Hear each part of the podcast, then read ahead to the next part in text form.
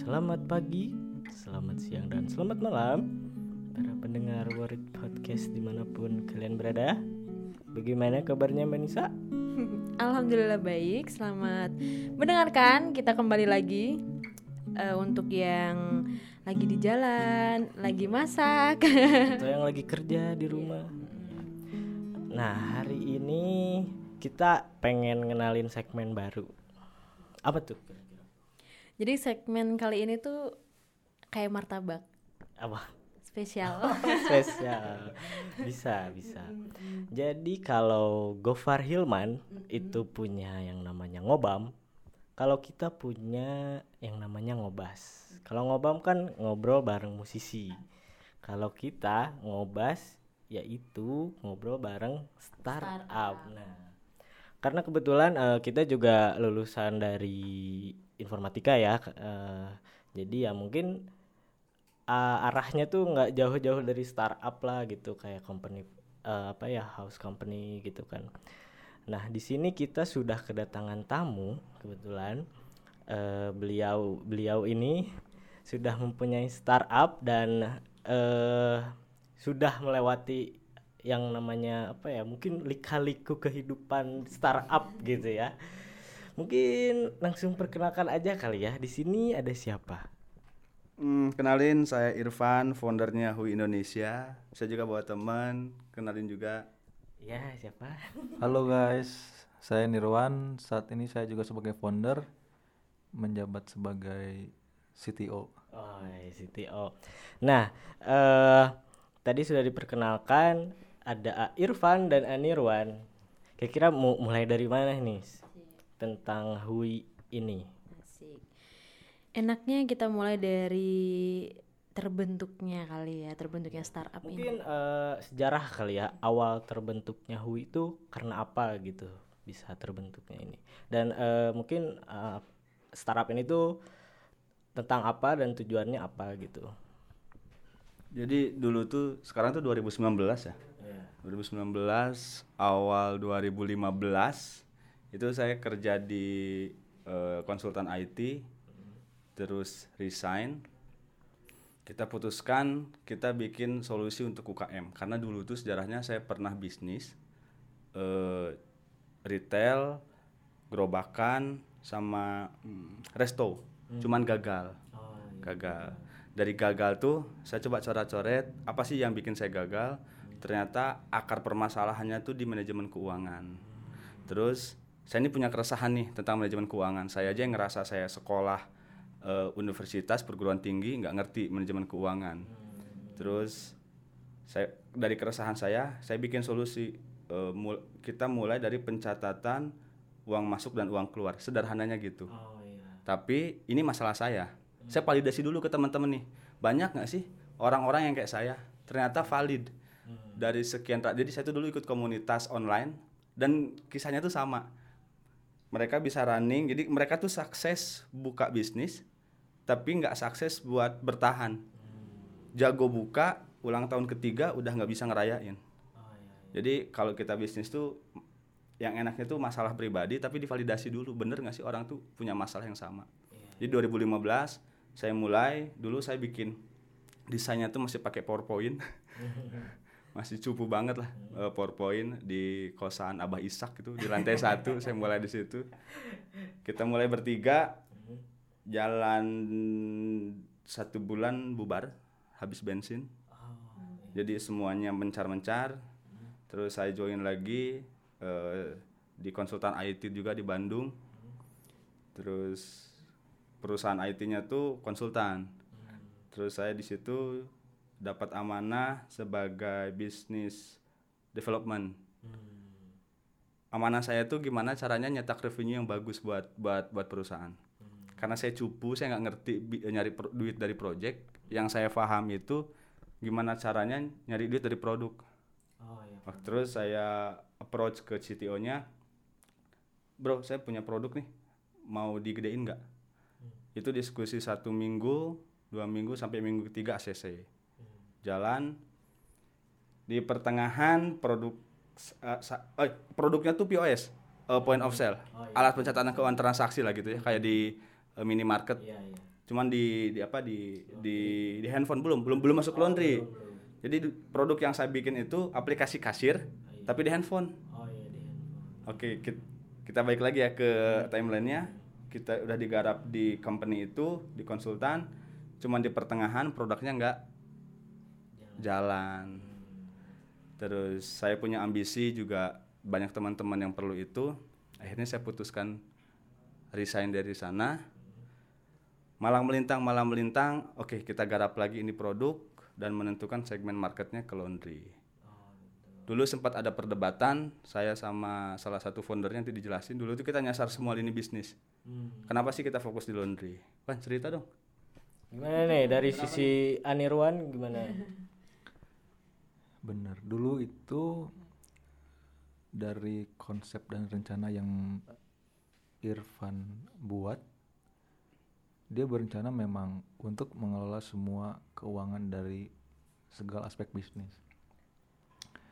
Tapi setelah kita coba melakukan validasi dan mendapatkan feedback dari orang-orang yang menjalankan bisnis, ternyata operasi dari bisnis mereka itu beda-beda baik itu retail maupun yang sedang kita jalani di laundry akhirnya kita putuskan gimana nih?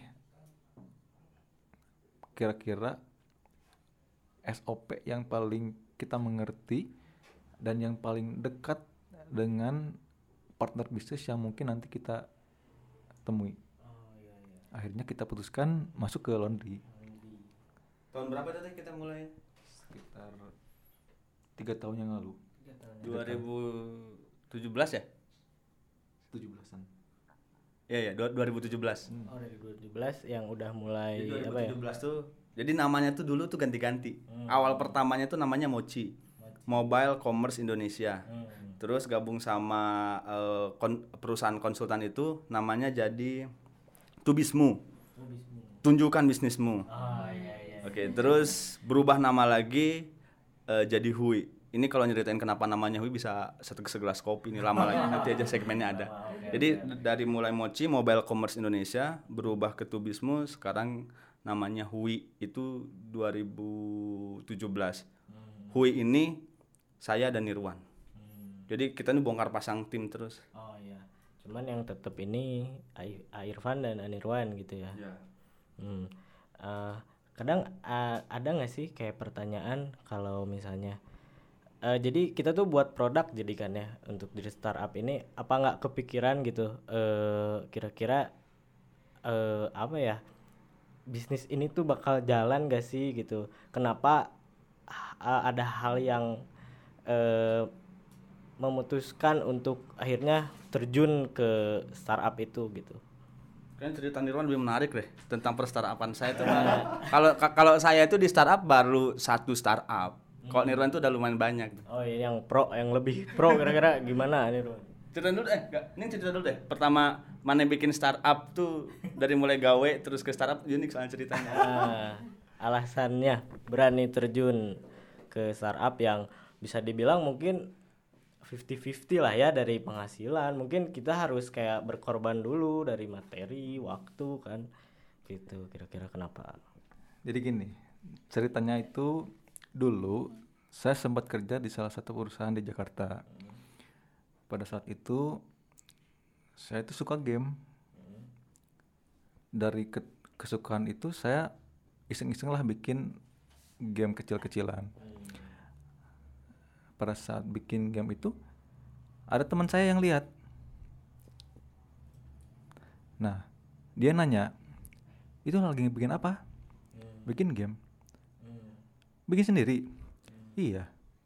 Dari sana, wah kalau gitu, yaudahlah kita join deh bikin sebuah game. Akhirnya dari situ, oh ya udah kita gabung bikin game. Kita cari cara untuk gimana sih bikin game itu dari mulai datang ke seminar, konsultasi sama orang-orang yang pengalaman lah di bidang itu. Ternyata setelah beriringnya waktu banyak hal yang belum kita mengerti. Jadi kita cuman bisa bikin gamenya aja, tapi nggak bisa jualannya. Hmm, benar Ternyata Allah hal yang harus di ini ya. banyak hal yang harus kita persi- persiapkan lah. Akhirnya beberapa bulan eh, bubar. Oh yang karena nggak dapat revenue. Timnya pecah tapi saya masih punya ketertarikan untuk bikin startup.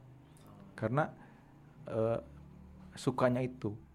Akhirnya dua tahun setelah kerja di Jakarta saya memutuskan untuk resign pulang ke Bandung bikin startup tapi dengan cara yang berbeda.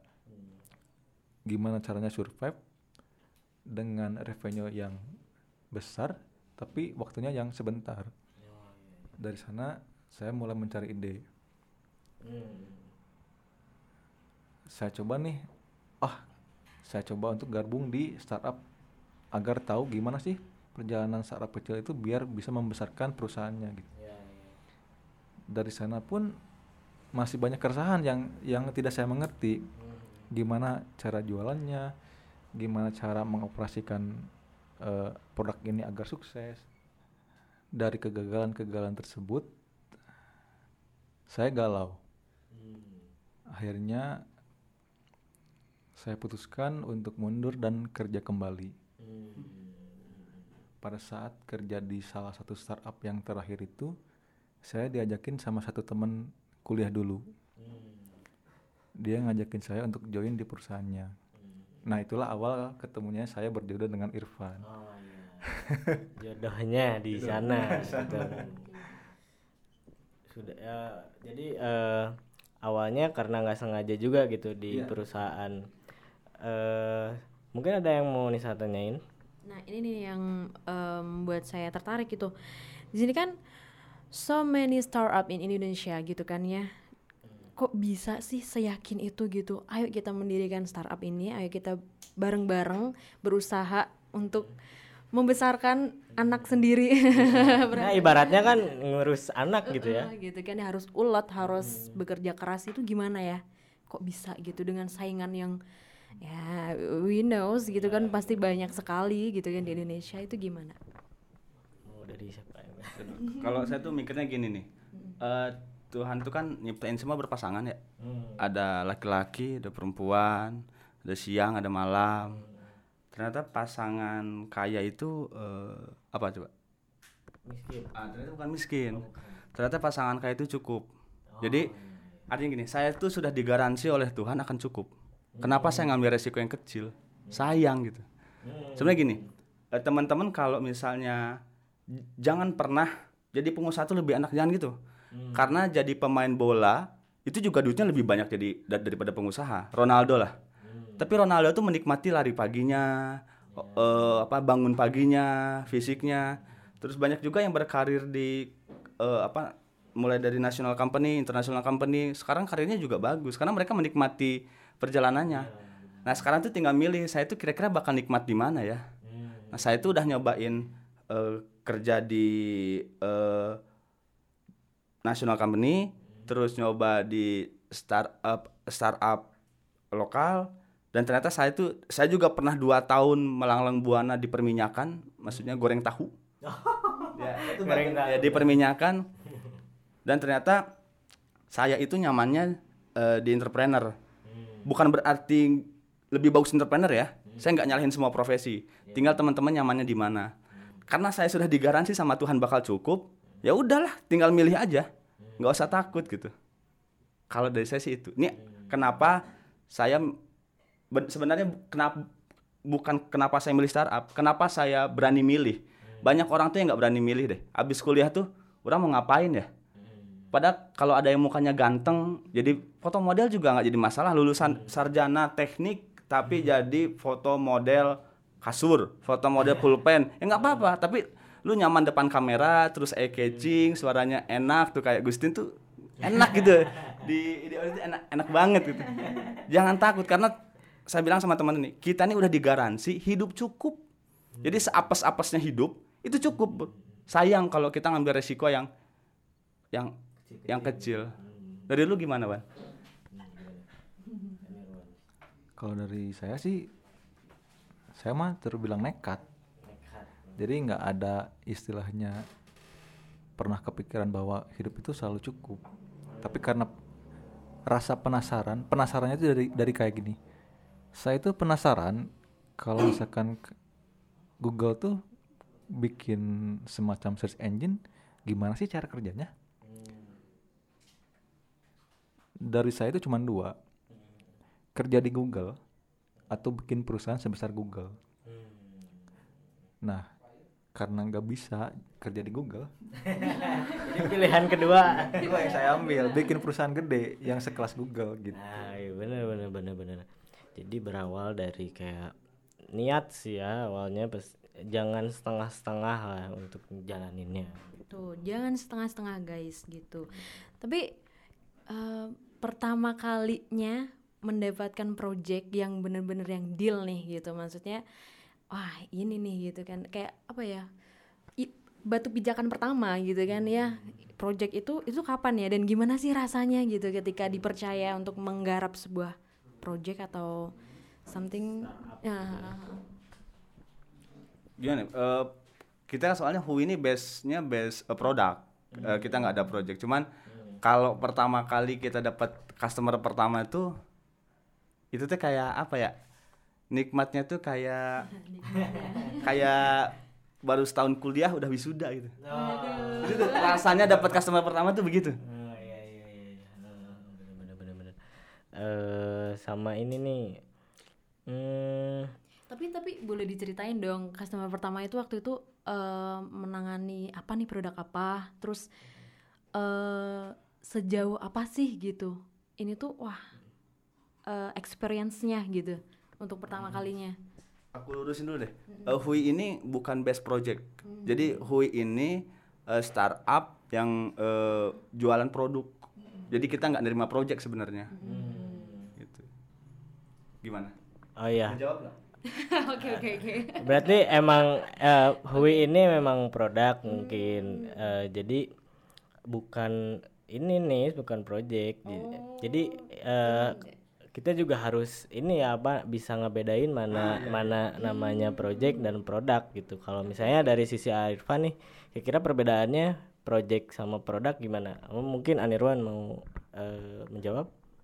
kalau project kita dapat kerjaan dari orang kalau produk kita yang ciptain sendiri dari mungkin keresahan customer atau pengguna nanti kita karena eh, startup itu terbuat karena adanya masalah gitu ya. Eh, jadi ya startup itu sebenarnya dibuat untuk menyelesaikan masalah gitu. Apa eh, goalsnya startup itu eh ya masalah ini terselesaikan gitu ya dengan adanya ini ya. Contohnya kayak Gojek gitu kan Kayak- ya itu kan berawal dari startup juga sebenarnya. Eh pernah ini nggak lo denger driver pertama Gojek tanggapan dia untuk kayak daftar kerja terus si Nadine tuh kan bilang eh, apa kayak tenang Pak perus- suatu hari perusahaan ini akan gede dia bilang gitu. Terus si bapak itu bilang eh oh gila nih orang dia bilang gitu. Eh tahunya sekarang kan Gojek udah, apa ya gitu kan udah udah udah maju udah maju banget Gojek lah gitu. sebagian hidupku. itu yang bikin lu gendut tuh jadi apa apa mager apa apa mager gitu. Eh, ini nih polanya tuh kalau kalian merhatiin ya semua pengusaha besar semua produk besar itu tuh nggak akan bisa besar kalau orang lain masih percaya. Misalnya gini nih Ka- kalau kayak kasus Nadim tadi Pak ini tuh perusahaan bakal besar. Kalau orang lain masih percaya itu nggak akan gede. Tapi kalau misalnya jadi kita tuh ngobrol sama teman-teman bro orang mau bikin eh, saya mau bikin produk kayak begini bisnis modelnya gini. Ah ngelantur mana mah itu nggak nggak valid. Kalau orang udah banyak ngomong gitu itu tuh kalau orang lihat polanya hampir rata-rata semua produk yang besar itu banyak yang nggak percaya. Itu sih kalau orang ngelihat eh, pola-polanya unik sebenarnya. Ini kayak Anirwan kenapa ketawa-ketawa?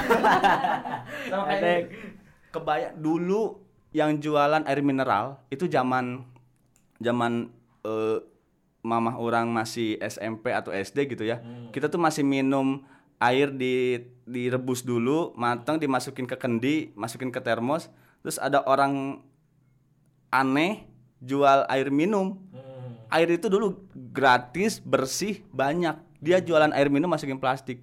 Orang kan mikir gitu. Iya, iya. ngapain sih? Nah sampai kalau mau bikin produk gede itu gitu. Sampai orang lain tuh apaan sih ya? Kok nggak masuk akal? Biasanya gitu. Tahu tahunya gitu ya. Sekarang yang order order aqua eh aqua ya apalah air mineral lah gitu semua. Kayak kebiasaan gitu kan kalau ke warung. Tidak sponsor. mau beli mau beli aqua eh dikasihnya apa gitu ya Apa kayak aja super mie aja. Mau beli apa ya? Indomie Ah, dikasih sedap Jadi kira-kira apa lagi nih ada pertanyaan apa lagi nggak Eh, ini nih. Jadi tadi agak kayak kesusahan gitu ya di menentukan model bisnisnya ya. ya ya Ah kan. Nah, eh, merasa sudah menemukan ritme bisnis modelnya tuh sejak kapan sih gitu? Akhirnya oh ternyata kita tuh harus kayak gini loh ritmenya kayak gitu. Menemukan apa ya titik balik dari semua usaha yang udah di eh, apa kayak ganti-ganti nama kayak gitu ketika udah eh, yakin nih oh kita berjalan di HU itu prosesnya eh, berapa lama gitu dari sana? Kalau ngomongin bisnis model ya, eh, pertama kita kan pemain baru nih. Saya bakal baca tren dulu. Jadi sekarang tuh yang lagi ngetren apa, terus ada nggak yang bisa dimodifikasi biar jadi pembeda.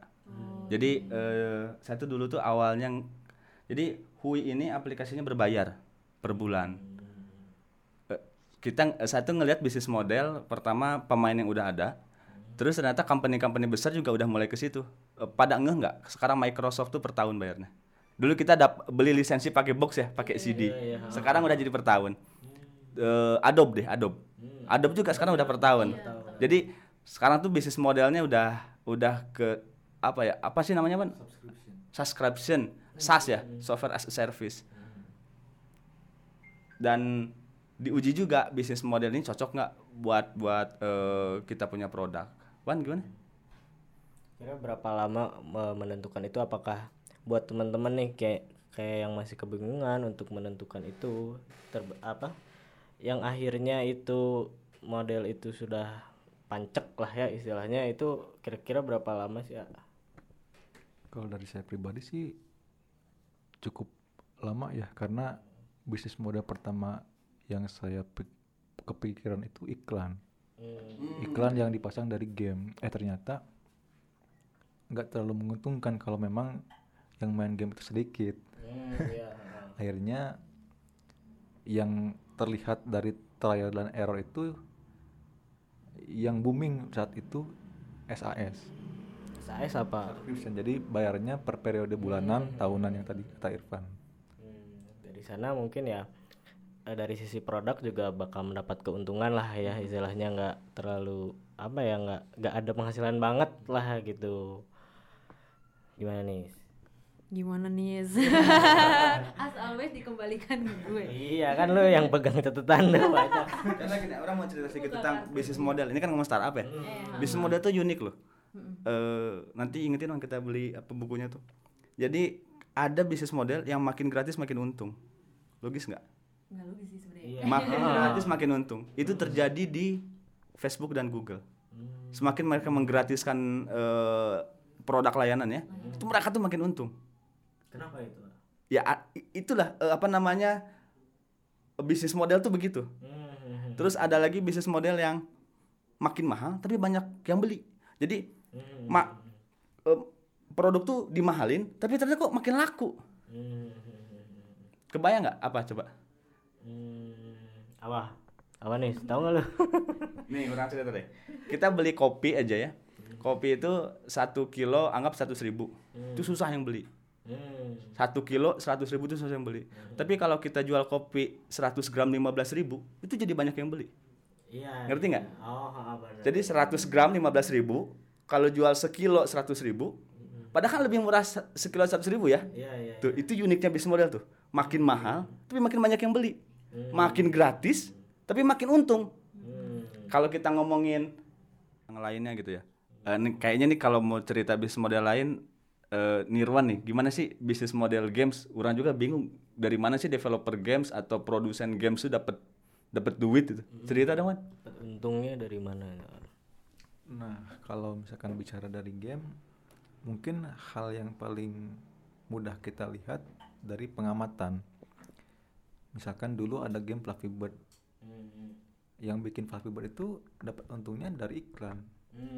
Saya coba bikin nih game pasangin iklan. Tapi ternyata nggak sukses Bird. Artinya mungkin target penggunanya yang beda. Tapi sekarang itu ada Steam. Steam itu bisnis modelnya nggak pakai iklan, tapi jualan gamenya langsung. Nah dulu mah pakai CD, sekarang mah bisa langsung download di websitenya. Nah ada lagi beberapa bisnis model yang kalau menurut saya itu lebih baik diciptakan dari hasil riset. Yang tadi kata Irfan bilang, Google itu semakin banyak pengguna yang make dan tidak berbayar, tapi Google itu semakin untung. Dari mana sih Google dapat duit? Eh ternyata Google itu punya semua informasi yang kita butuhkan. Nah, Google itu menghubungkan informasi itu dengan para eh, apa ya? Contoh eh, sederhananya yang jualan baju. Ada orang yang sering nyari-nyari baju kaos, tapi dia nggak nemu nih. Nah, dia tuh kerjasama dengan para eh, toko baju, perusahaan yang nyiptain baju. eh, nah, dari sana si perusahaan itu nitipin iklan ke Google. Nah, dari situlah Google dapat uang. Iklan ya berarti, bisnis modal iklan ya. Kalau kayak game yang lagi heboh nih kayak PUBG terus Fire yang gitu-gitu gimana sih dapat duitnya? Kan kita download gratis, main gratis, perang gratis gitu. Nah, si developernya dapat duit dari mana tuh? kadang eh, ada juga pemain yang nggak beli beli cash gitu kan. Nah itu kan eh, maksudnya proses bisnis yang bisa diambil lah salah satunya eh, pembelian cash gitu. Kalau menangani eh, pemain yang ya main-main aja gitu lah nggak tertarik beli eh, beli produk yang kayak apa ya kayak senjata mungkin apa gitu ya kalau di PUBG kira-kira gimana Sebenarnya untuk para pemain yang memang nah kalau PUBG kan salah satu bisnis modelnya jualan item. Jadi kalau memang orangnya sultan punya banyak duit ya pasti beli item pasti. biar gaya-gayaan. Cuman iya orang pemain sendiri yang nggak beli item itu untuk meramaikan gitu. Jadi kalau misalkan orang banyak main game PUBG ya pasti orang pun tertarik, untuk join ke game. intinya sih apa ya harus kreatif Nunis mencari ide-ide. Kira-kira uh, ini mau dibawa ke mana nih? Gitu. Kalau buat teman-teman yang masih bingung mencari proses bisnis oh gua gak untung-untung nih. Gitu Tapi menurut gue ternyata kayaknya dari yang diomongin tadi tuh kayak proses apa ya model bisnis tuh juga nggak akan jauh dari data ya. hmm. Kayak yang sorry Google tadi kan ya kayak big data running di situ, big data analitiknya running di situ. Akhirnya ya dia dapat duit banyak gitu kan ya. Nah kira-kira nih hmm, ke depannya apa nih target selanjutnya asik? dari Hui Apa nih? Kalau Hui sebenarnya gini, Hui itu kita komit mau jadi the largest digital ecosystem for laundry business. Jadi kita mau jadi eh, mau support semua kebutuhan pengusaha laundry, tapi dari sisi digitalnya itu banyak banget. Eh, mimpi saya itu sederhana buat pengusaha laundry. Mereka tuh gampang ngurusnya, cepat nambahnya. Kebayang nggak minimarket titik-titik mart titik-titik mart itu? Iya. Itu menjamurnya tuh kayak apa ya? Kayak virus apa gitu? Tiap belokan Tiap belokan ada. ada gitu. Terus kenapa sih eh, long yang yang apa yang dijualnya juga sama, tapi kita juga punya tetangga-tetangga yang ngewarung ya. Itu nggak beda jauh sama titik-titik mart tuh isinya. Cuman kok nambahnya jadi dari teman-teman masih bayi sampai sekarang udah wisuda nih. Ya masih segitu gitu. iya Nah, saya tuh ngelihat ada apa ya? Ada jom apa ada jarak gitu antara antara pemain yang di kampung misalnya sama pemain yang udah profesional. Nah, saya tuh mau jadi saya tuh Hui itu berkontribusi di tengahnya gitu. bagaimana teman-teman pengusaha bisa gampang ngurusnya, cepet nambahnya. Kalau dari saya sih itu yang mimpi yang agak gedenya tuh saya pingin punya satu percontohan satu franchise laundry atau satu cabang laundry yang bisa go internasional. Karena kalau go internasional itu eh, misalnya kita buka laundry di Malaysia, kita beli deterjennya di Malaysia, kita bayar sewanya di Malaysia, karyawannya di Malaysia, tapi untungnya nggak ke Malaysia, tapi untungnya ke Indonesia. Nah saya tuh gitu. Jadi kalau kita kalau kalau eh, kita tuh udah ngeluarin banyak uang, lu beli handphone kan nggak dari Indonesia, dari Korea, iPhone dari California, kita beli mobil perangkat tuh banyak banget uang yang keluar ya. Nah jadi kalau main bola tuh kita udah kebobolan banyak, yuk kita nyetak gol dengan cara nyiptain banyak uang bisa masuk ke dalam negeri. Itu sih dari saya, dari sisi saya yang pasti beda banget dari sisi Nirwan. Coba deh dengerin, pasti aneh. Gimana Nirwan? Goalsnya depannya nih. Goalsnya simple. Kalau dari saya, kalau kita bisa bikin, mungkin Google punya search engine. Cina pun sama, dia punya sendiri. Nah, kalau misalkan pengen jadi negara yang punya power dan mandiri, ya kita juga harus punya semacam kekuatan IT yang mirip dengan mereka. Dan kita bisa. Jadi tujuannya yaitu untuk membantu pengusaha-pengusaha yang mungkin itu tadi yang eh, setahun dua tahun mungkin jalan tapi akhirnya ya berhenti lagi gitu. beda ya?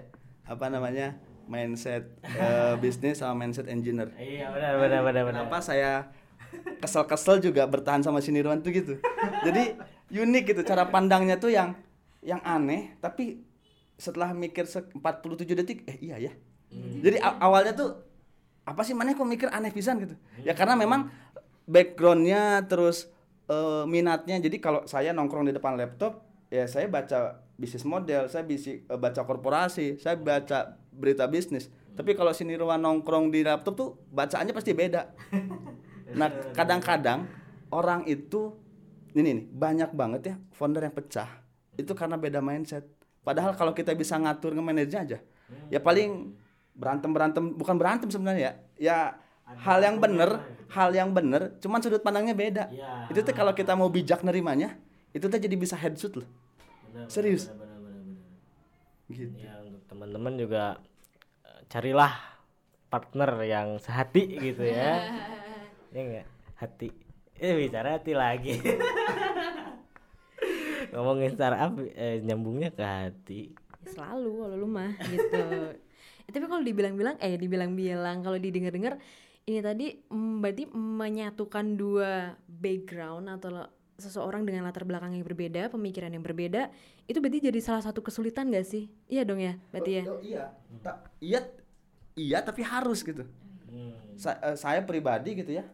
Pas nyodorin tangan ke sini Ronwan, yuk eh, kita jalan bareng yuk. Itu tuh nggak nggak kayak ketemu di jalan oh sini bisa begini nih, yuk gabung yuk. Enggak lah. Kita tuh nyari karena saya dengan Nirwan tuh bukan mau mainan seminggu dua minggu proyekan seminggu dua minggu loh. Kita tuh ngomongin ya maksudnya ba- eh, harus agak bijak sih. Eh, itu bisa jadi satu segmen khusus gimana tips and trick eh, nyari founder yang karena kalau kita baca dulu namanya Startupedia, hal pertama yang harus dibangun tuh bukan produknya dulu, tapi timnya dulu. Iya, Itunya dulu deh. Itu tuh krusial banget loh. Gitu. Kumahawan? Kumaha ah, Nirwan? Setuju? Setuju. Ah, idem ya. idem aja Nah itu tadi eh, cerita dari Hui ya gimana awal terbuat, gimana struggle-nya mereka membangun ini tuh kayak jatuh bangun terus kayak sempat berhenti juga, sempat ganti-ganti nama dan akhirnya ya alhamdulillah gitu ya targetnya itu sudah ditemukan. Nah, kira-kira ini eh mungkin dari Hui juga eh, ada yang mungkin ingin disampaikan atau mungkin ada yang lagi di jalan ini atau ada yang dibutuhkan mungkin Em, kita nih startup dan alhamdulillah lagi berkembang banget. Eh, target marketnya juga seksi. Udah kita validasi segala macam. Saya mau buka kesempatan buat teman-teman yang mau berkarya buat mengembalikan pundi-pundi rupiahnya Indonesia. Kita di sini nggak kerja, kita di sini senang-senang. Kalau dulu anak seumuran kita tuh bener deh. Kalau dulu anak seumuran kita tuh nyerut bambu runcing buat ngusir penjajah. Sekarang tuh saatnya kita tuh nyerut rupiah dari luar ke dalam. Karena penjajah sekarang tuh bukan bawa pedang, tapi bawa bendera PT. Eh, saya ajak teman-teman banyak banget yang bisa dikontribusikan. Kalau saat ini sih sebenarnya kita lagi perlu sosial manager, sosial media manager, customer service, terus eh, UI UX designer, marketing, sales manager, afiliator atau reseller. Eh, nanti kalau misalnya teman-teman berminat bisa langsung akses di eh, karir.huiindonesia.com isi formnya. Kalau udah isi masuk ke hui.co- eh, huiindonesia.com nanti ada eh, customer service-nya bisa lon- eh, bisa kontak kalau mau tanya-tanya. Atau nanti bisa hubungi juga dari tim apa nih channel apa nih namanya? Worried podcast. Oke, nanti kalau misalnya teman-teman lupa gitu harus gimana, bisa nanya ke timnya Worried Podcast. Kalau itu kan dari sis, jadi gini, kita tuh punya tiga tim besar sekarang tuh yang lagi dibangun. Pertama product development, kedua tim operasional, yang ketiga tim eh, user akuisisi. Yang tadi saya omongin tuh untuk divisi eh, user akuisisi. Kalau dari tim eh, product development gimana, Wan? Ada yang mau di-share nggak? lagi perlu role apa gitu karena ini udah orang buka formnya di karir.com Kita lagi nyari orang untuk dokumen teknis dan orang back end. Hmm, untuk sisi development. Nah itu buat teman-teman yang mungkin tertarik eh, terjun di dunia startup, mungkin bisa dicek nanti kita taruh di deskripsi mungkin Enis. Eh, muk- eh, kalau ini nih ada yang dengar misalnya perusahaan laundry nih bisa bisa mendapatkan aplikasi itu di mana gitu. Eh, bisa cek aja di Play Store langsung search eh up, Hui Hui Pos Hui Pos aplikasi manajemen laundry atau biar lebih enaknya mampir aja ke huiindonesia.com nanti ada direct linknya di sana. Nah itu dia untuk yang tertarik nih ada lowongan kan? Hmm, siapa tahu jodoh gitu ya. Bisa langsung akses di webnya. Mungkin kita taruh di deskripsi juga. Sebagai penutupan nih kira mungkin dari tim-tim Hui nih uh, ada pesan gak yang mau disampaikan untuk teman-teman yang sedang merintis lah istilahnya tapi ya masih bingung mau ke mana gitu Kalau dari saya tuh yang pertama cari mentor karena kalau kita belajar nggak pakai guru tuh nanti setan yang jadi gurunya. itu nggak itu bukan bercanda loh. Ini valid ya. Kalau kita belajar nggak ada gurunya, nanti setan yang jadi gurunya. Pertama cari mentor, yang kedua sering gaul sama teman-teman eh, startup. Yang ketiga cari ba- eh, bangun pergaulan yang lintas industri. Karena gini, kalau kita buka YouTube, bagaimana meningkatkan omset, bagaimana membangun tim, itu tuh udah udah jelas gitu. Sebenarnya banyak ide-ide kreatif yang terlontar dari pembicaraan yang lintas bisnis itu. Misalnya nanti saya ngobrol sama teman-teman eh, podcaster, cerita keluh kesahnya itu tuh bakal banyak banget inspirasi. Itu buat yang eh, udah running startupnya. Buat yang belum running, aduh saya mau startup nih, tapi bingung nih apa yang mau dibikin. Ngumpul, bergaul sama orang-orang yang suka ngeluh. Itu tuh masalah semua. nah benar Itu tuh masalah semua dan itu harus diselesaikan. Cuman ada rule-nya gimana cara eh, mengkonversi dari masalah jadi sebuah produk startup. Itu ada segmen khususnya lagi tuh. Jadi gini, kalau teman-teman belum punya ide mau bikin apa, ngumpul aja sama orang-orang yang punya masalah, yang suka eh, ngeluh-ngeluh di Facebook. Itu tuh masalah semua. Itu inspirasi semua sih. Kalau dari orang kayaknya udah deh, biar nggak banyak-banyak, biar cepet aksi nih teman-teman. Dari Arniruan pesannya mungkin Kalau dari saya untuk menciptakan produk yang hebat itu segera temukan tim yang hebat dan lakukan apa pun dengan enjoy dan bahagia. Nah, Pasti sukses. Nah, intinya enjoy hidup tuh. Bahagia. So, thank you so much buat Wipos Indonesia. Semoga ke depannya lancar, semoga posisi yang diinginkan juga terpenuhi gitu ya. Semoga yang terbaik intinya. Iya, dan target-targetnya semua tuh tercapai. Amin. Dan jangan bosan ya. Eh, terima kasih sekali lagi buat para pendengar. Sampai ketemu di episode selanjutnya dan See you bye bye. see you bye bye.